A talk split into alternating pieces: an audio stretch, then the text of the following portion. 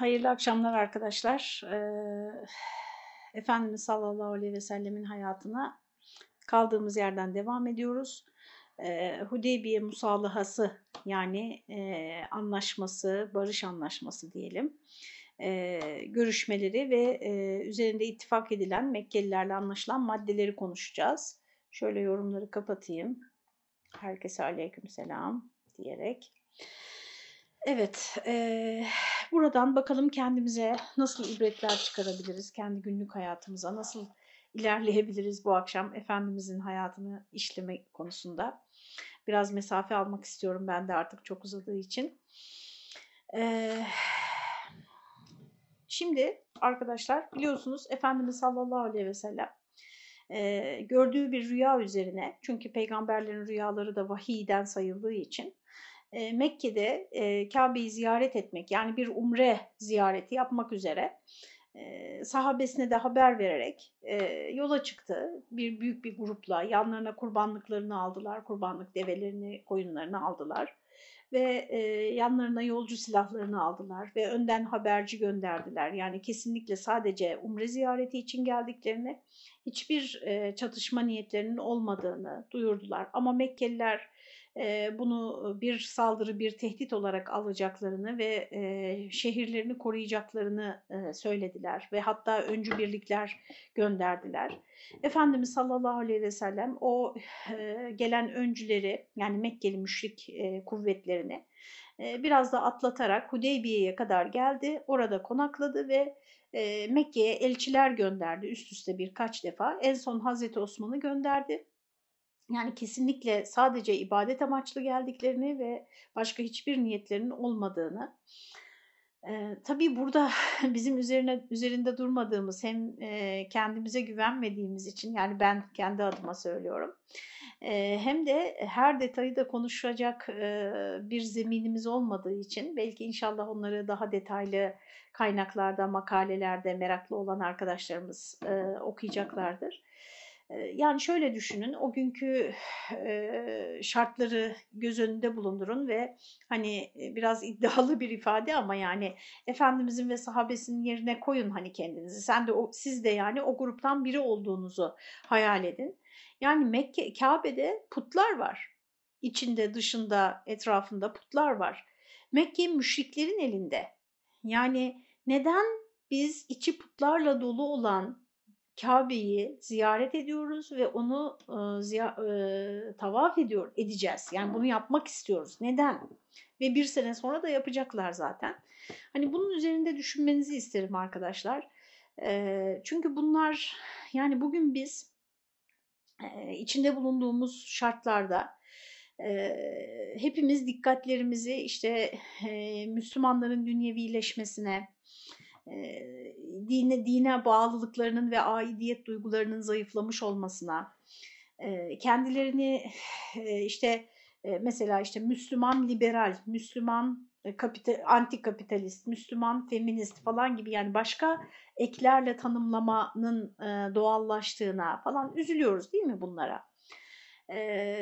Yani bakıyoruz işte zayıfladı, ibadetler zayıfladı, işte dinin az önce söylediğim gibi hani paylaşımlarımıza bakıyoruz mesela. Benim pek de değinmediğim bazı konular var. Çok ciddi tartışmaların yapılacağı bir platform olduğunu düşünmüyorum burasının. O bakımdan değinmediğim yoksa konuşmaktan korktuğum için değil. E, salonlarda yani yüz yüze konuşmalarda defalarca anlattığım konular. Yani e, Batılılara, Hristiyanlara, Yahudilere benzemekten çok da gocunmadığımız, işte bunları çeşitli e, isimlerle, çeşitli bahanelerle e, kendimiz için mazur hale getirip hatta böyle e, sergilemekten mesela diyelim ki işte kendi özel hayatınızda böyle bir şey yaptınız bir e, tam Hristiyanca bir e, kutlama yaptınız veya bir davranışta bulundunuz. Hani bunu e, şey yaparsınız özelinizdir sizin kimse bilmek zorunda değildir. Öyle yapmayıp bir de sergilemekten hiç rahatsız olmadığımız. Mesela bunlardan çok rahatsız oluyoruz. Ama şundan çok az kişi rahatsız oluyor ya da pek rastlamıyorum şunun konuşulduğuna arkadaşlar. Yani tahammül sınırlarımızın çok daraldığı bir taraftan da Yani bazılarımız böyle gevşerken diyelim yani tabirimi lütfen hoş görün. Daha e, yani başka isimlerle tabii biz gevşiyoruz demiyor demiyoruz hiçbirimiz.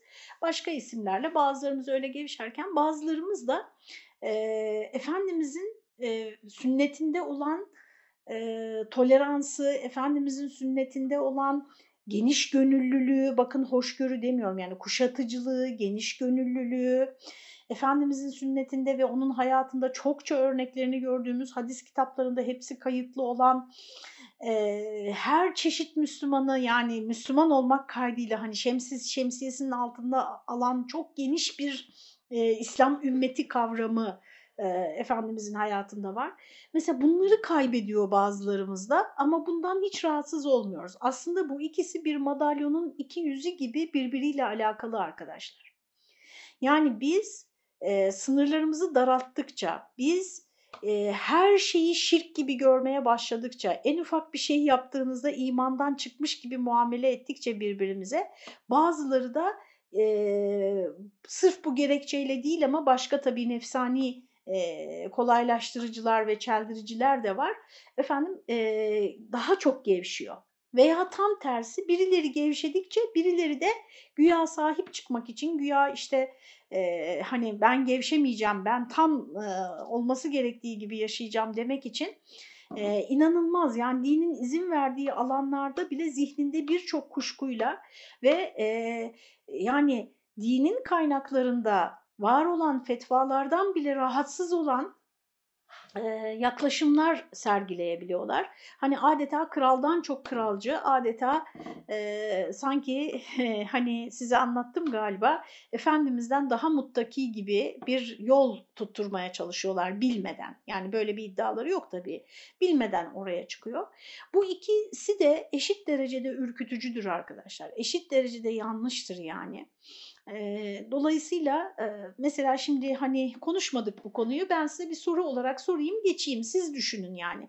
O gün mesela bugünkü kafanızla siz o gün Efendimizin e, topluluğunda olsaydınız, o topluluğun bir üyesi olsaydınız efendim ve Efendimiz işte Kabe'yi ziyaret edip e, tavaf edeceğiz, sahi edeceğiz, umre yapacağız deseydi tamam da yani içinde putlar var demeyecek miydiniz? Yani o putların etrafında mı biz döneceğiz?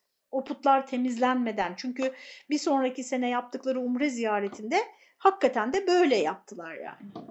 Anlatabiliyor muyum? Burada şimdi Fatma Hoca putları e, yani hoş görün dursun ne olacak falan dediği gibi bir sonuç asla ve asla çıkarmayın. Sadece arkadaşlar Efendimiz'i e, kendi zihninizdeki e, kabuller, kendi zihninizdeki çizdiğiniz sınırlar e, içerisinde değil. Efendimiz'i olduğu gibi ne yapmış? O, o, peki bunu niçin yapmış? E, nasıl açıklamış? Veya açıklamadıysa ben bunu nasıl anlamalıyım? E, ben anlayamıyorsam çünkü işte yorum yapabilecek kapasitede değilimdir. E, hocalarımız, alimlerimiz, güvendiğimiz insanlar bunları nasıl yorumlamışlar? Yani üzerinde düşünmemiz gerekiyor sorular sormamız gerekiyor arkadaşlar. O cevapları bulmamız gerekiyor ve oradan kendimize modeller üretmemiz gerekiyor. Yani günlük hayatımıza böyle yapmadığımızda ne oluyor biliyor musunuz? Biz şimdi burada toplanıyoruz veya işte bir vakti zamanda bir salonda toplanıyoruz. Ben anlatıyorum veya bir hocamız anlatıyor. Efendimiz şöyle yapardı, böyle yapardı. Hadislerini, hayatını, siyerini, işte şemailini anlatıyor. Orada böyle ah ah o da güzel bak. Bu da güzel çünkü bunlar bir iman göstergesidir. Bir sevgi, muhabbet, bağlılık göstergesidir. Yani asla onu küçümsemiyorum arkadaşlar. Sakın yanlış anlaşılmasın. Orada böyle kendimizden geçercesine böyle bir özlemle, bir hasretle dinliyoruz. Sonra çıkıyoruz dışarıya arkadaşlar akıl alır gibi değil yani. Ve girerkenki kişi gibi çıkıyoruz. Mesela çıkarken insanlara çarpabiliyoruz. Oraya çocuğuyla gelmiş birini azarlayabiliyoruz. Yani çocuğu senin çocuğun işte ses yaptı ben hiçbir şey anlamadım diye azarlayabiliyoruz. İşte mesela Efendimizin mescidinde olsaydık bunu yapacak mıydık yani? Buna benzer şeyler yapacak mıydık? Veya yaptığımızda nasıl bir karşılık alacaktık?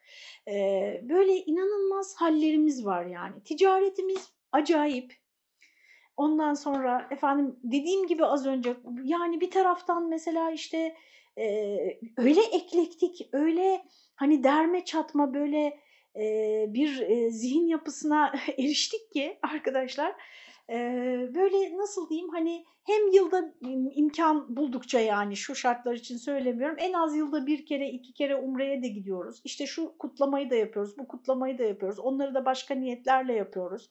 Efendim ne bileyim yani işte düğünlerimiz şöyle oluyor ama bir taraftan da işte çok mütevazi olmalıyız diyoruz. Mesela işte bazı şeylere müdahale ediyoruz. Yani böyle bir zıtlıklar, böyle bir uçlara savrulma, herkes kendi karakterine göre durumu yaşıyoruz arkadaşlar. Bunları işte böyle üzerinde tek tek düşünerek, cevaplar, sorular sorarak, cevapların peşine düşerek anlayabilsek, kavrayabilsek çok daha farklı olabiliriz yani her anlamda arkadaşlar. Ben size anahtar şeyi söyleyeyim, benim bulabildiğim. Bu benim bulabildiğim. Yani bütün cevap bu değildir. Ben bu kadarına aklım eriyor arkadaşlar. Benim bulabildiğim Efendimizin hayatından anahtar yani bütün bu sorulara cevap bulmak için işimize yarayacak bir anahtar. Bütün soruların cevabı değil ama bizi cevaplara götürecek olan anahtar arkadaşlar İslam'ın evrensel olduğunu, bu dinin her tip insan için olduğunu, Kur'an'ın Kur'an hitap ederken insanlara ya eyyühen nas derken arkadaşlar size ve bana hitap etmiyor sadece. Köprü altındaki insana da hitap ediyor, evsizlere de hiç evsizleri gözlemlediniz mi arkadaşlar? O insanı da o insana da hitap ediyor bu kitap. Bu peygamber o insana da hitap ediyor. İşte ne bileyim yani dünyanın bir yerinde bambaşka kültürler ancak belgesellerde izlediğimiz e, şartlarda yaşayan insanlar var. Onlara da hitap ediyor. Köylüye hitap ediyor kentli. Biz birbirimizin eşarp bağlayış şeklini beğenmiyoruz arkadaşlar. Şu eşarpla e, ve bu bağlayış şekliyle tarlada çalışabilir miyim ben mesela? Sırtıma yük yüklenip getirebilir miyim? Ya da ne bileyim mesela bugün dünyanın öyle yerleri var ki TRT'nin Okul Yolunda diye bir belgeseli var izleyin. Yani okula giderken buzların üstünden sürünerek böyle çünkü yürüyerek giderse buz kırılabilir. Ve o buz tabakasının üzerinden geçmekten başka şansı yok. Yani buzların üstünden sürünerek okula gidecek insanlar, çocuklar veya babalar, kızlar, çocuklar oradan ge geçecekler. Yani işte yok sen açık alanda oturarak mı kadın namaz kılacak, şöyle mi kılacak anlatabiliyor muyum arkadaşlar? Bütün bu e, tahammülsüzlüklerimiz, bütün bu kıt gönüllülüğümüz e, yaşadığımız muhitten başka hiçbir yeri tanımıyor olmamızdan kaynaklanıyor dünyayı tanımıyor olmamızdan kaynaklanıyor. İnsanların hayat şartları hakkında hiçbir fikrimizin olmayışından veyahut da Müslümanlığı işte sadece şu semtte, şu muhitte, şu imkanlardaki insanlar yaşayacak zannetmemizden kaynaklanıyor.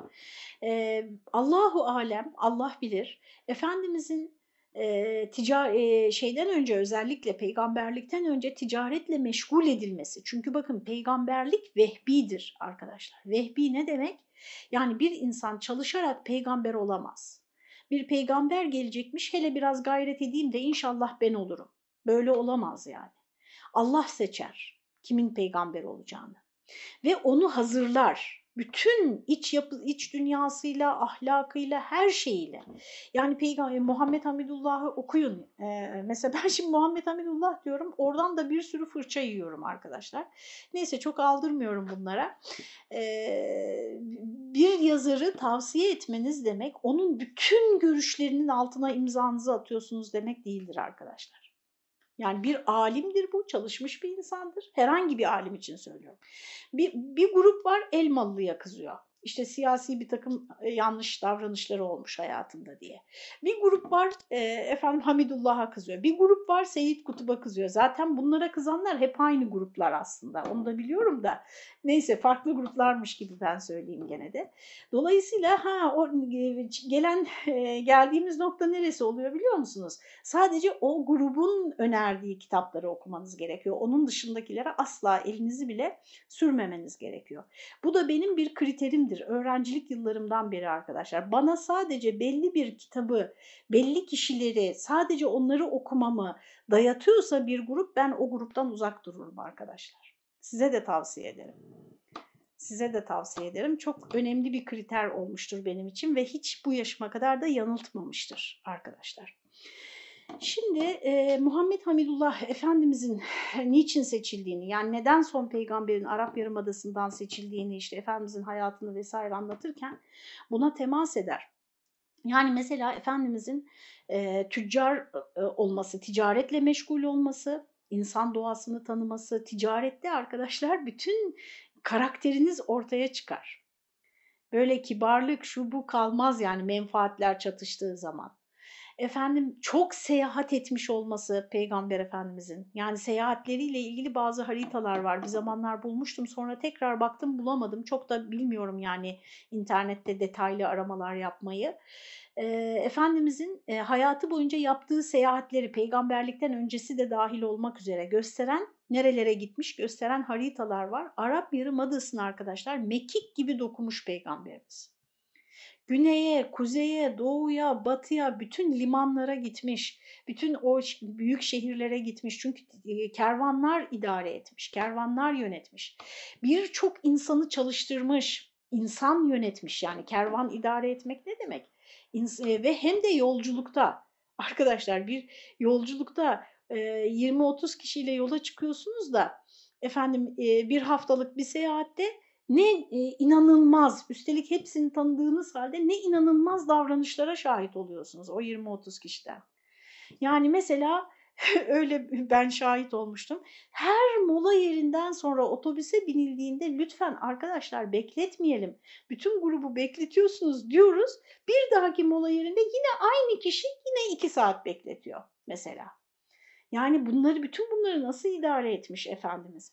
Bunlar hepsi işte Cenab-ı Hakk'ın onu bütün aşamalardan geçirerek peygamberliğe hazırlaması, insanları tanıtıyor, milletleri tanıtıyor, coğrafyasını tanıtıyor, yaşadığı e, mekanı ve mekan dediğim yani küçük bir mahalle değil. Hani bütün o civarı biliyor Peygamber Efendimiz nerede kim var, hangi devlet var, onların karakterlerine, işte e, adetleri, örflerine hepsini biliyor.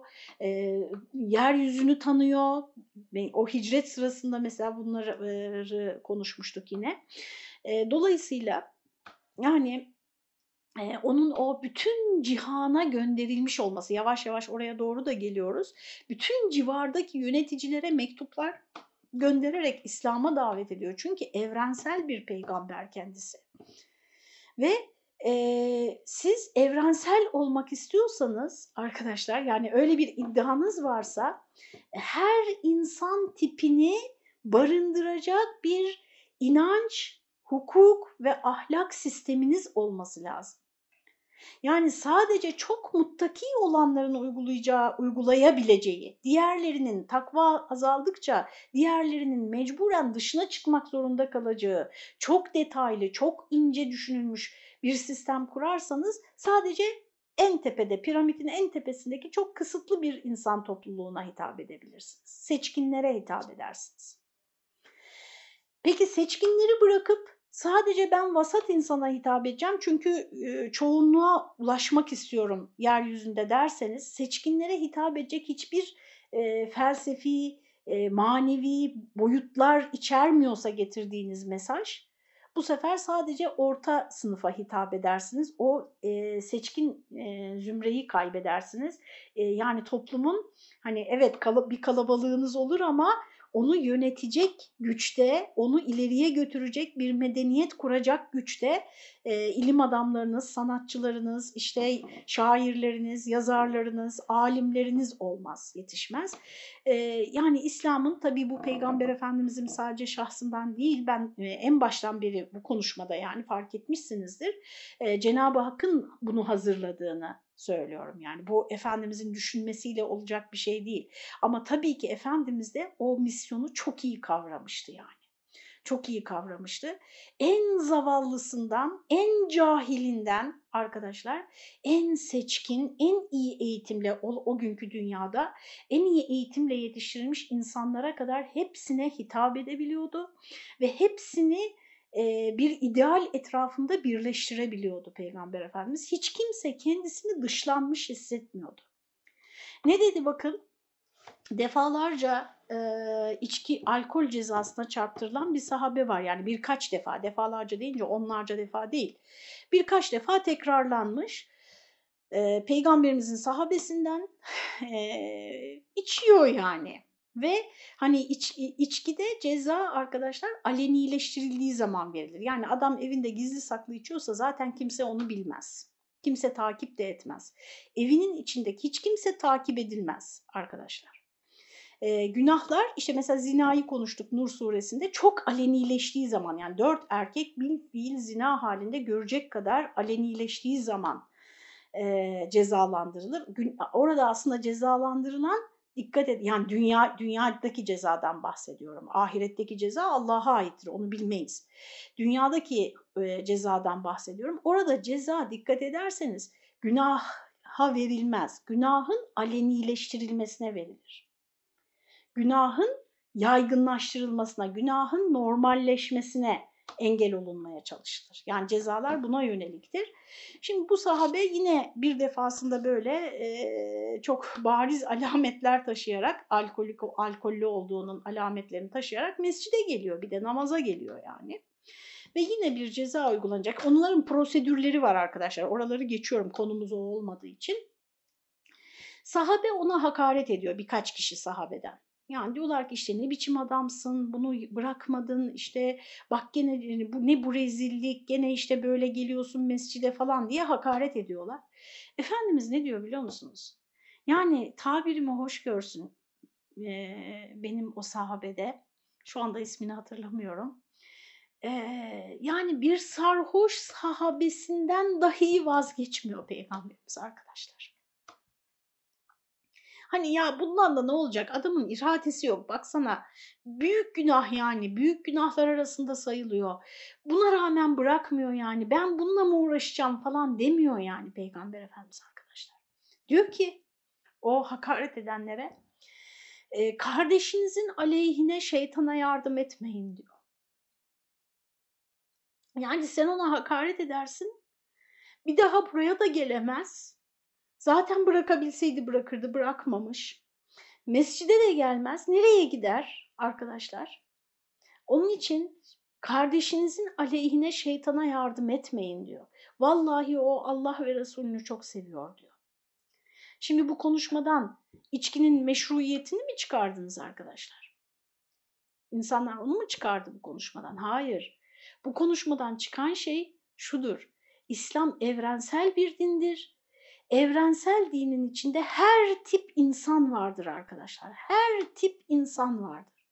Biz insanların şahıslarını kendilerini dışlanmış hissedecek şekilde e, başka kucaklara koşacak şekilde ötekileştirmeyiz. Biz günah günahla uğraşırız ve günah o günahla da hani az önce söyledim günahın alenileşmesi, reklamının yapılması, teşvik edilmesiyle uğraşırız. Yoksa biz günahkarla hiçbir meselemiz yok. Çünkü onun günahı görünmüş. Ya benim görünmeyen günahlarım ne olacak?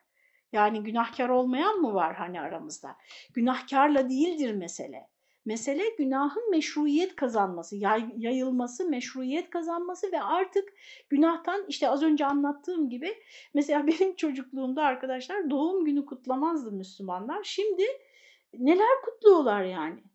Bir bakın değil mi? Birbirimize ne şeyler e, yani kutlamamanız neredeyse garip karşılanıyor. Evet. Efendim e, Peygamber Efendimiz sallallahu aleyhi ve sellem yani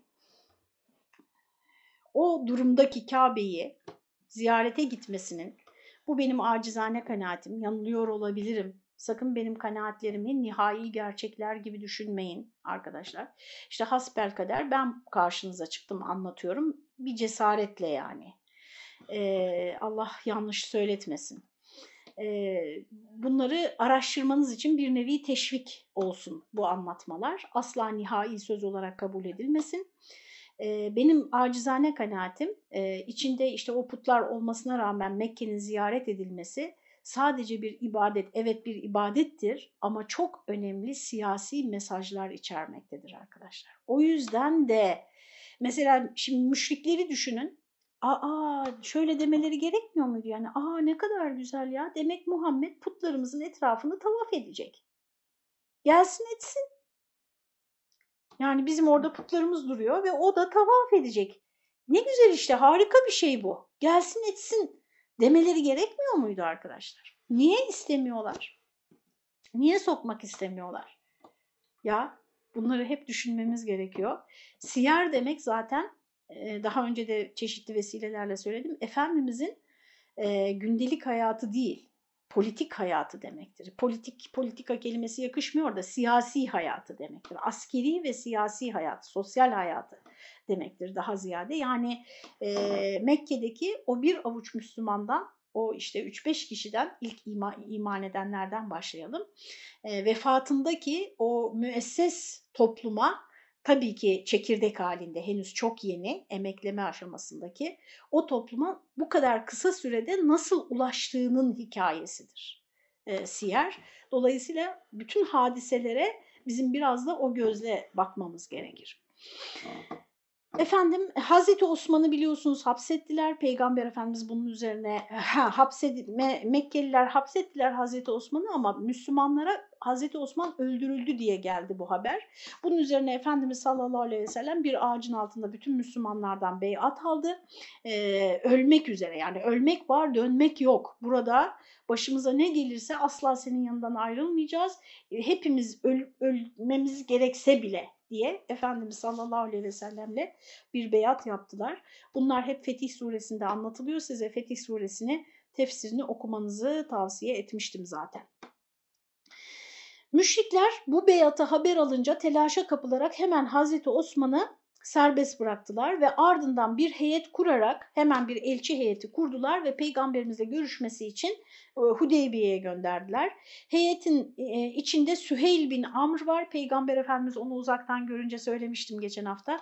İşte bugün işimiz kolay olacak. Mekke bize Süheyl'i gönderdi diyor. Yani insanların karşılaştığı insanların isimlerinden yola çıkarak tefeül yapıyor Peygamber Efendimiz. Böyle hani bu e, olumlu telkin aslında o kadar önemli ki arkadaşlar. Kendini doğrulayan kehanetle ilgili daha yeni bir şeyler okudum. Ee, onu da bilince insan psikolojideki o bilgileri bilince insanın kendi kendine hep olumlu telkinler yapması. Yani bugün bu işi biz e, güzel bitireceğiz. Niye? Çünkü bak adamın adı Süheyl. Yani Süheyl kolaylık demek arkadaşlar. E, bunlar hep çok önemli e, aynı zamanda psikolojik hazırlıklar.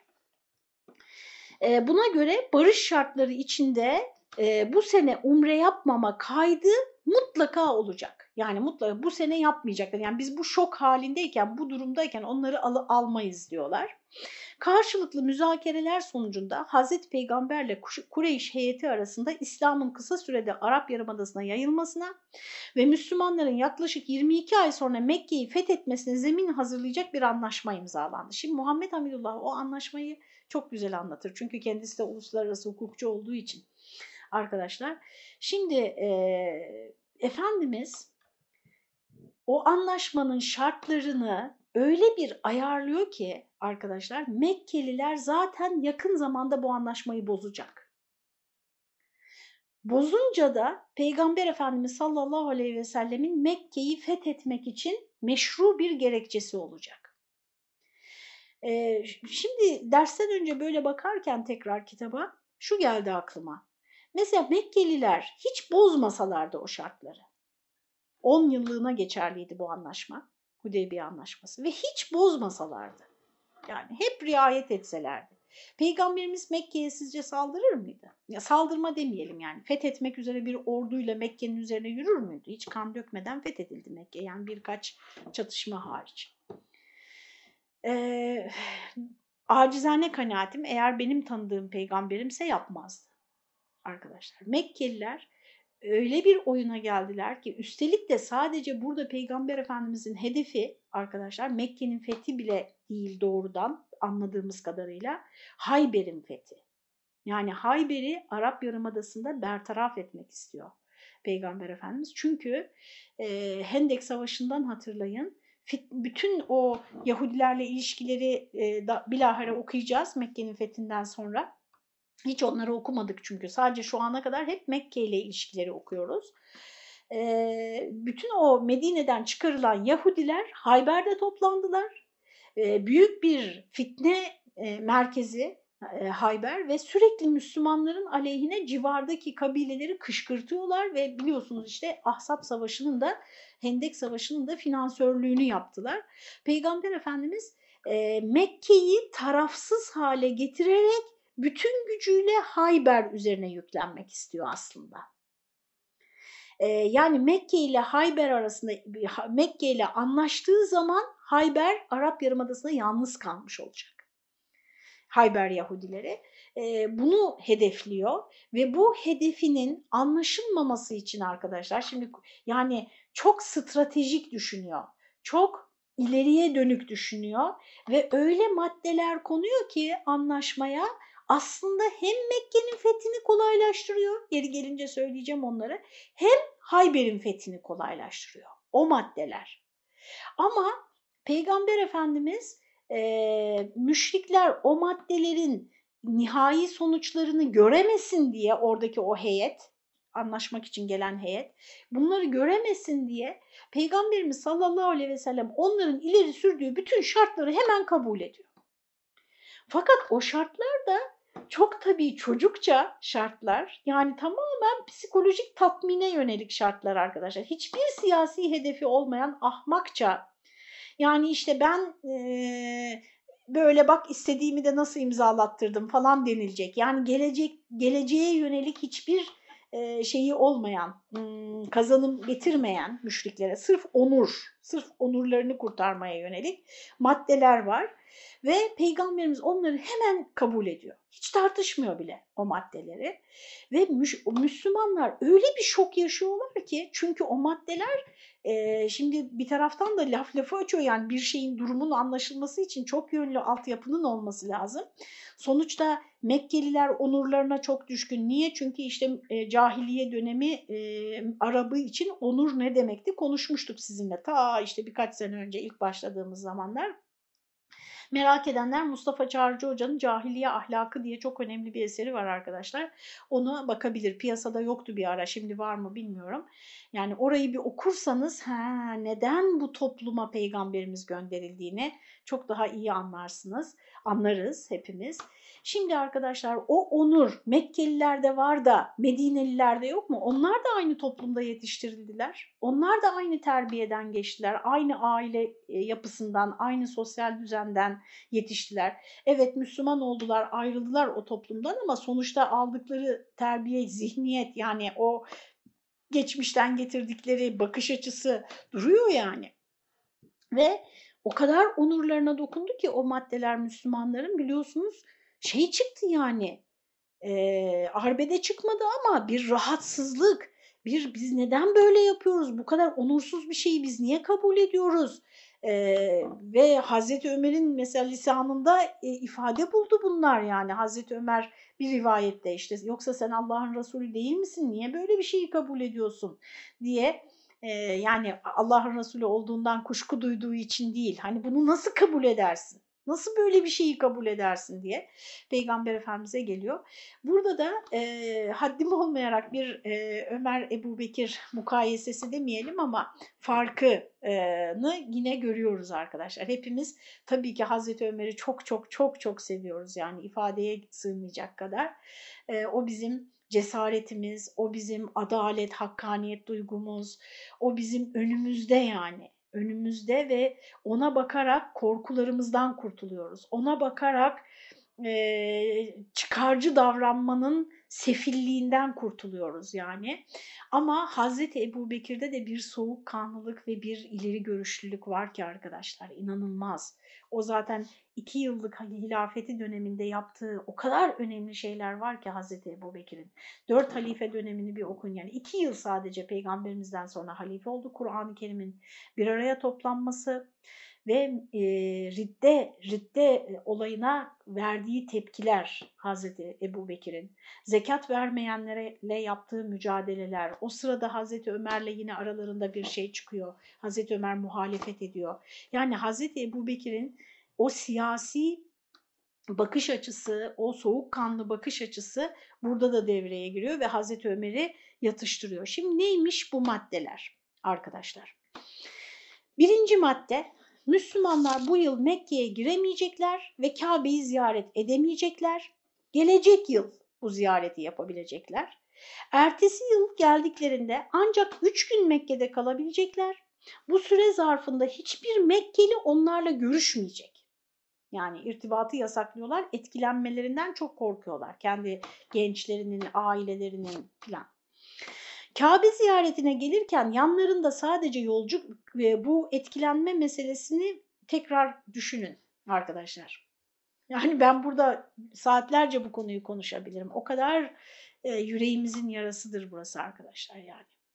Başkalarını eleştirmeden önce hepimiz dönüp kendimize bakalım. Sizinle üç gün içinde üç cümle kuran kişi sizden nasıl etkileniyor? Etkileniyor mu yani? Sizden derken ben de kendimi sizin içine koyar. Yani bu çağın Müslümanı. O kadar korkuyorlar ki peygamberimizden etkilenmesinden ve sahabesinden. Çünkü çok etkileyiciler arkadaşlar. Bu etkileyicilik yani imaj, karizma falan bu kelimelerle alakası yok. Bununla alakası yok. İnsanlıklarıyla, davranışlarıyla, peygamberimize bağlılıklarıyla, bütün ahlaklarıyla, o sosyal ilişkileriyle, birbirleriyle olan münasebetleriyle yani e, işte ne bileyim bugün için söyleyelim hani bir otobüse biniyorsunuz mesela otobüsteki insanları öyle bir görüyorsunuz ki otobüsten inince etkilerinde kalıyorsunuz yani etki altında kalıyorsunuz. Onun için benim bu belediye otobüsü hikayelerim çoktur bilenler bilir. Sultanbeyli otobüsüyle Fenerbahçe otobüsünü kıyaslarım mesela. Benim öyle bir birkaç oralara uzun süre gitmişliğim vardır. Ee, yani e, bir kültür arkadaşlar, bir yaşam tarzı e, böyle oturup kitap okuyarak falan değil illaki. Yani sizin günlük hayattaki duruşunuzla, şeyinizle, verdiğiniz mesajla, bütün o davranışlarınıza sinmiş olan nezaket, hakkaniyetle bunların hepsiyle çok yakından alakalıdır. Temizliğinizle, nezahetinizle, bütün davranışlarınızdaki incelikle e, çok yakından alakalıdır. Yani e, üç gün bile, üç gün bile görüşmelerini istemiyorlar. Bakın bu üç ay falan değil yani, üç gün. Peygamber Mekke'den çıkarken yani o umrede bir yıl sonra umreye gelecekler ya Mekke'den çıkarken kendisiyle birlikte gitmek isteyenlerden hiç kimseyi yanına alamayacak. Yani eğer Mekkelilerden peygamberimize katılmak isteyen olursa buna izin verilmeyecek. Kendisiyle birlikte Mekke'ye gelenlerden burada kalmak isteyenler olursa onlara da engel olmayacak. İşte bakın ashab-ı kiramı şoktan şoka sokan maddeler bunlar. Bunu kabul edeceksin diyorlar. Hemen kabul ediyor peygamberimiz. Bir de şundan da emin zaten o güne emin demeyelim de yani o güne kadar görünen şey İslam'a girenlerin sayısı çıkanların sayısından her zaman kat kat fazla. Kat kat fazla. Şu anda da öyle arkadaşlar. Şu anda da öyle. Panik olmayın. Tabii bunlar bizim çocuklarımız olunca, bizim e, tanıdığımız, ismini cismini bildiğimiz insanlar olunca içimize dokunuyor yani. Ee, yoksa dünyanın her yerinde İslam'a girenlerin sayısı çıkanların sayısından her zaman e, fazla olmuştur yani. Şeye gerek yok. Ee, ümitsizliğe veyahut da efendim kötümserliğe gerek yok. Ama kendimizi muhasebe etmemiz için, kendimizi gözden geçirmemiz için iyi bir e, tokattır. Etrafımızda ben artık Müslüman değilim, ben deistim, agnostiyim, işte bilmem neyim diyen adı Ahmet, Ayşe, Fatma, Mehmet olan gençlerin olması bize üzerine düşünmemiz için ne, ne yapıyoruz biz diye güzel bir tokattır. İkinci madde, işte bu maddeyi kabul ettirmeyi çok istiyor Peygamberimiz. Zaten bu maddeyi ihlal ettikleri için Mekke'ye ordu kuracak. Arap kabilelerinden isteyen kabile iki taraftan birisiyle birlik kurabilecektir. Yani bütün Arap kabilelerinden isteyen Mekkelilerle birlik olacak, isteyen Medinelilerle. Yalnız bu şu demek, mesela Peygamber Efendimizle Huza kabilesi birlik olmuş. Bekir kabilesi de Mekkelilerle birlik olmuş. Huza ile Bekir arasında bir çatışma olursa, yani mesela Bekir kabilesi Huzalılara saldırırsa ve Mekkeliler de buna yardım ederse ya da engel olmazlarsa Peygamberimizin Mekke'ye saldırma hakkı doğuyor. Yani orada öyle bir detay var. Üçüncüsü yine psikolojik bir madde. Yani e, adeta bu maddeler şunun için konmuş. Bakın biz Muhammed'i nasıl ezdik falan demek için. Yoksa hiçbir getirisi olmayan maddeler bunlar. Kureyş'ten birisi bu arada İslam'ı kabul eder ve Müslümanlara sığınırsa bu kişi Müslümanlar tarafından kabul edilmeyecek. Yani sadece umre ziyareti sırasında değil. Bu anlaşma imzalandığı andan itibaren Kureyş'ten Müslümanlara sığınan olursa geri, geri iade edilecek. Fakat Mekke'ye iltica eden hiçbir Müslüman iade edilmeyecek. Peygamberimiz hemen hiç tartışmadan bunu da kabul ediyor. Hatta şöyle diyor yani e, bazı rivayetlerde bugün benden ne isterlerse vereceğim diyor. Ne isterlerse vereceğim diyor peygamberim. Çünkü kabul ettirmek istediği şeyler var. Bir, ikincisi de arkadaşlar sadece ileriye yönelik bir e, stratejik hamle olarak düşünmeyin Hudeybiye Anlaşması'nı. E, Hudeybiye Anlaşması'ndan sonra geçen iki yıl, Mekke'nin fethine kadar iki yıl geçiyor. E, geçen iki yıl içinde Müslüman olan Mekkeli sayısı o güne kadar Müslüman olanından daha fazla. Halbuki o güne kadar kaç yıl geçti arkadaşlar? 19 yıl geçti peygamberlikten sonra. O 19 yıl içinde Müslüman olandan daha fazla sayıda kişi 2 yıl içinde oluyor. Bu da ne demek biliyor musunuz? Her zaman barış ortamı İslam'ın lehinedir. Barış ortamı her zaman İslam'ın. Çünkü İslam o kadar kuvvetli, kendinden o kadar emin, sistemi o kadar yani ilahi, o kadara bile gerek yok. Sistemi ilahi bir dindir ki e, düzgünce anlatıldığında zaten sorun yok. Yani illa bir kuvvet uygulayarak hiçbir zaman tarih boyunca da zaten öyle olmamış. Ben e, bütün savaşların hep ilahi kelimetullah için olduğu kanaatinde değilim. Sonuçta bir siyasi şey vardı, ortam vardı ve elbette ki yaşadıkları dünyanın siyasetinden o, dün, o dönemdeki Müslüman topluluklar da etkileniyorlardı ve bir tavır alıyorlardı. Ama şuna kesinlikle kaniyim arkadaşlar, İslam kılıç yoluyla yayılmamıştır. Eğer İslam kılıç yoluyla yayılsaydı bugün Balkanlarda bir tane bile Hristiyan kalmamış olması gerekirdi. Biliyor musunuz mesela e, Bosna'nın, mesela diyelim ki bir Selanik'in, bir e, Balkanlardaki herhangi bir şehrin arkadaşlar, Müslümanların elinde kaldığı süre İstanbul'un Müslümanların elinde kaldığı süreden daha fazla olabiliyor.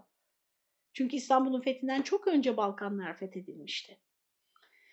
Veya kendi coğrafyasında yani Arap dünyasında bir tane Hristiyan kalmamış olması gerekirdi. Arap Hristiyanlar. Yani e, Kızılderililer nerede?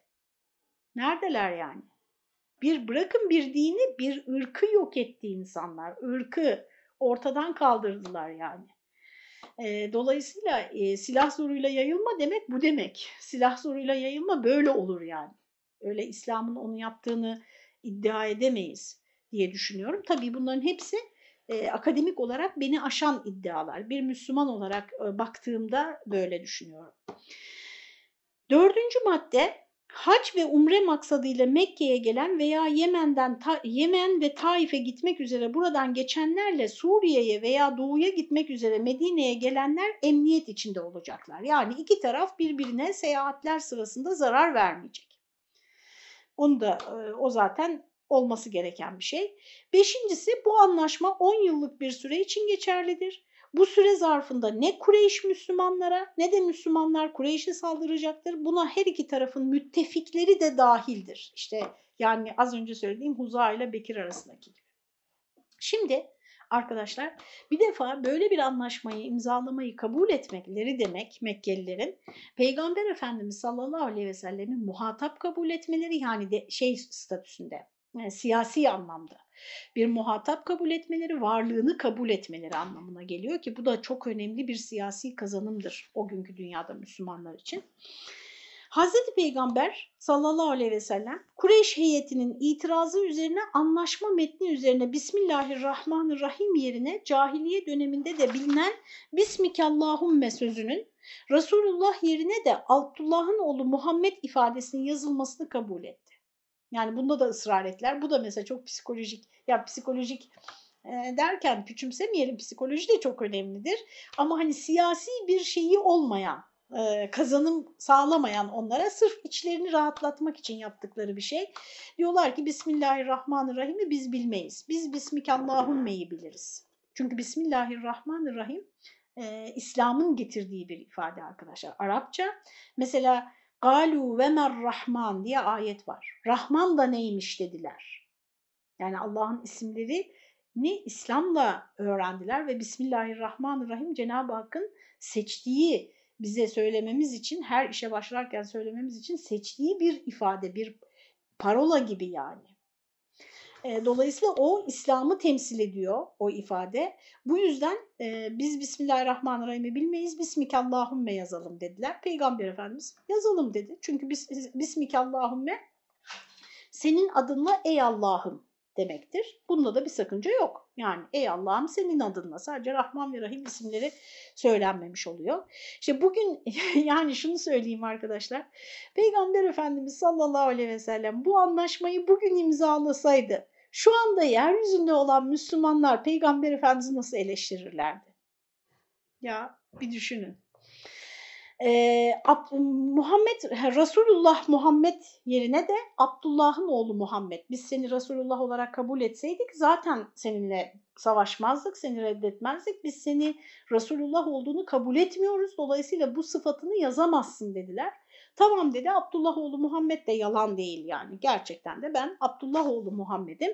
Onun da o şekilde yazılmasını kabul etti. Hatta bazı rivayetlerde yazmıştı Hazreti Ali Resulullah Muhammed diye. Ee, Kureyş heyeti itiraz edince peygamberimiz tamam sil dedi Resulullah ibaresini. Hazreti Ali ben silmem dedi. Ben inanıyorum senin Resulullah olduğuna dedi. Tamam göster ben sileyim dedi. O kadar yani e, yalan olmamak kaydıyla, hakikati e, içermesi kaydıyla o kadar anlaşmaya hemen böyle Peygamber Efendimiz razıydı. E, bu iki cümlede de bir sakınca görmedi Peygamberimiz. Gerçeğe aykırı değiller çünkü efendim e, Hazreti Ali tarafından kaleme alınan anlaşma metni iki nüsa olarak hazırlandı. İki tarafın şahitlerince imzalandı. Anlaşmanın üçüncü şahıslara tanıdığı imkanlardan faydalanmak isteyen Huza kabilesi Müslümanlarla Bekir kabilesi de müşriklerle ittifak yaptılar arkadaşlar.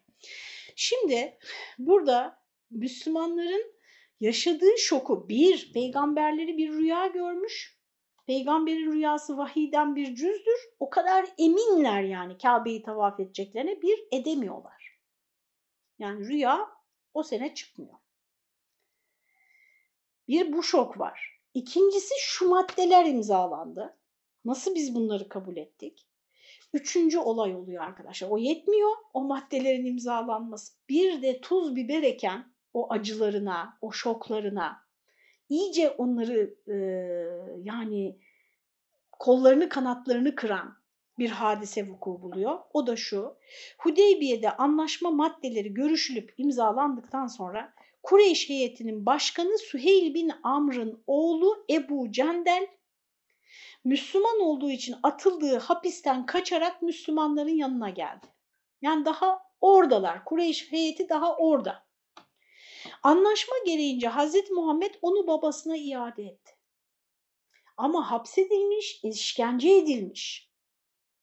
Ve görüyorlar yani bir Müslüman kardeşimiz hapsedilmiş, eziyet edilmiş, kaçmış, bize sığınmış Ama biz onu iade ediyoruz. Tekrar hapsedecek olanlara, tekrar eziyet edecek olanlara. Bu uygulama sahabeler arasında huzursuzluğa yol açtı. Ne var ki Ebu Basir ve Ebu Cendel başta olmak üzere Mekke'den kaçan ancak anlaşma bu çünkü bu birkaç defa da vuku buldu. Peygamberimiz iade etti. E, Ebu Cendel'i götürdüler Mekke'ye. Daha sonra tekrar kaçtı. Ebu Cendel Medine'ye geldi. Peygamber Efendimiz tekrar iade etti. E, böyle olunca bir, yalnız dedi ki bir defasında e, onu iade ederken ne yiğit bir genç keşke başka bir yer bulsa, yani başka bir yol bulsa. Hani Medine'ye gelmek yerine çünkü ben onu iade etmek zorundayım. Anladık mı arkadaşlar anlaşmalara sadık olmak ne demektir? Bir söz verdiğinde tutmak ne demektir? Tutmayacağın sözü vermemek ne demektir? Senin aleyhine bile olsa bir anlaşmaya riayet etmek ne demektir arkadaşlar? Ebu Cendel peygamberimizin öyle dediğini duyunca arkadaşlar bir daha kaçtı Mekke'den ve Kızıldeniz sahilindeki İs mevkiine yerleşti. Bir köy gibi bir yer. Mekke'den kaçan herkes onun oraya yerleştiğini duyunca onun yanına gittiler. Orada bir kuvvet oluşturdular, bir birlik oluşturdular ve Mekkelilerin kervanlarına baskınlar yapmaya başladılar. Gördünüz mü arkadaşlar kervan baskını da siyasi bir olaydır. Sadece böyle yağmacılık falan gibi düşünmeyin. Yani ekonomik e, ambargolar, ekonomik baskılar siyasetin bir enstrümanıdır. E, öyle olunca Mekkeliler Peygamber Efendimiz'e heyet gönderip biz bu anlaşmanın bu maddesini e, iptal etmek istiyoruz diye kendi elleriyle anlaşmanın o maddesini iptal ettiler. Ama Ebu Cendel'in bu sıkıntıları yaşaması gerekti. Neden yaşaması gerekti? Peygamber Efendimiz bir söz verdiği için. Daha doğrusu sadece peygamberimiz değil Müslümanlar bir söz verdiği için. Ha, bir de orayı da konuşmak lazım ama dar vakte kalmış. Ee, bir iki kelime söyleyelim. Ee, bunda da vardır bir hayır çünkü bazı konuları çok uzatmak iyi değildir. Arkadaşlar e, Peygamber Efendimiz bu anlaşmayı imzalarken mesela kaynaklara baktığımızda ben bir sormam lazım sahabeme, bir danışmam lazım deyip böyle bir dakika deyip gidip bir oylama yapıp herkesle böyle konuşup herkesi ikna edip öyle mi imzaladı bu anlaşmayı? Hayır. Müslümanlar adına tabii ki orada bir e, grup vardı yani bir grup Müslüman vardı. Hazreti Ali vardı, Hazreti Ömer vardı vesaire. İmzaladı. Peki Müslümanlar ne yaptılar arkadaşlar? Yani e, bir temsilciniz, bir lideriniz varsa arkadaşlar, onunla ilişkinin, onun e, kararlarının, siyasi adımlarının e, size yükleyeceği sorumluluklar konusunda tavrınızın ne olması gerektiğini de peygamberimizden öğrenebiliriz. Ve sahabesinden öğrenebiliriz arkadaşlar e, umre yapılmadan geriye dönülmesi, mültecilerin tek taraflı iadesi ve Resulullah ibaresinin metninden çıkarılması Müslümanlara çok ağır geldi. İşte Hazreti Ömer az önce söylediğim gibi itirazlar ediyor. Sonra Hazreti Ebu Bekir onu ikna etti. Ve Peygamber Efendimiz sahabesine e, kurbanlarınızı kesin, ihramdan çıkın dedi. İhramdan çıkın, e, kurbanlarınızı kesin. İlk önce böyle durdular arkadaşlar. Ee, yani kıpır kımıldamadılar. Ee, yanılmıyorsam Ümmü Seleme validemiz çadırda Peygamber Efendimizle birlikte bu yolculuğa o gelmiş. Ee, Peygamberimiz çadırına girdi. Ümmü Seleme'ye dedi ki onlara bir şey söyledim yapmadılar dedi. Yani durumu Ümmü Seleme ile istişare etti. Ümmü Seleme dedi ki ya Resulallah onlar şu anda bir şok halindeler. E, dolayısıyla seni duymuyorlar.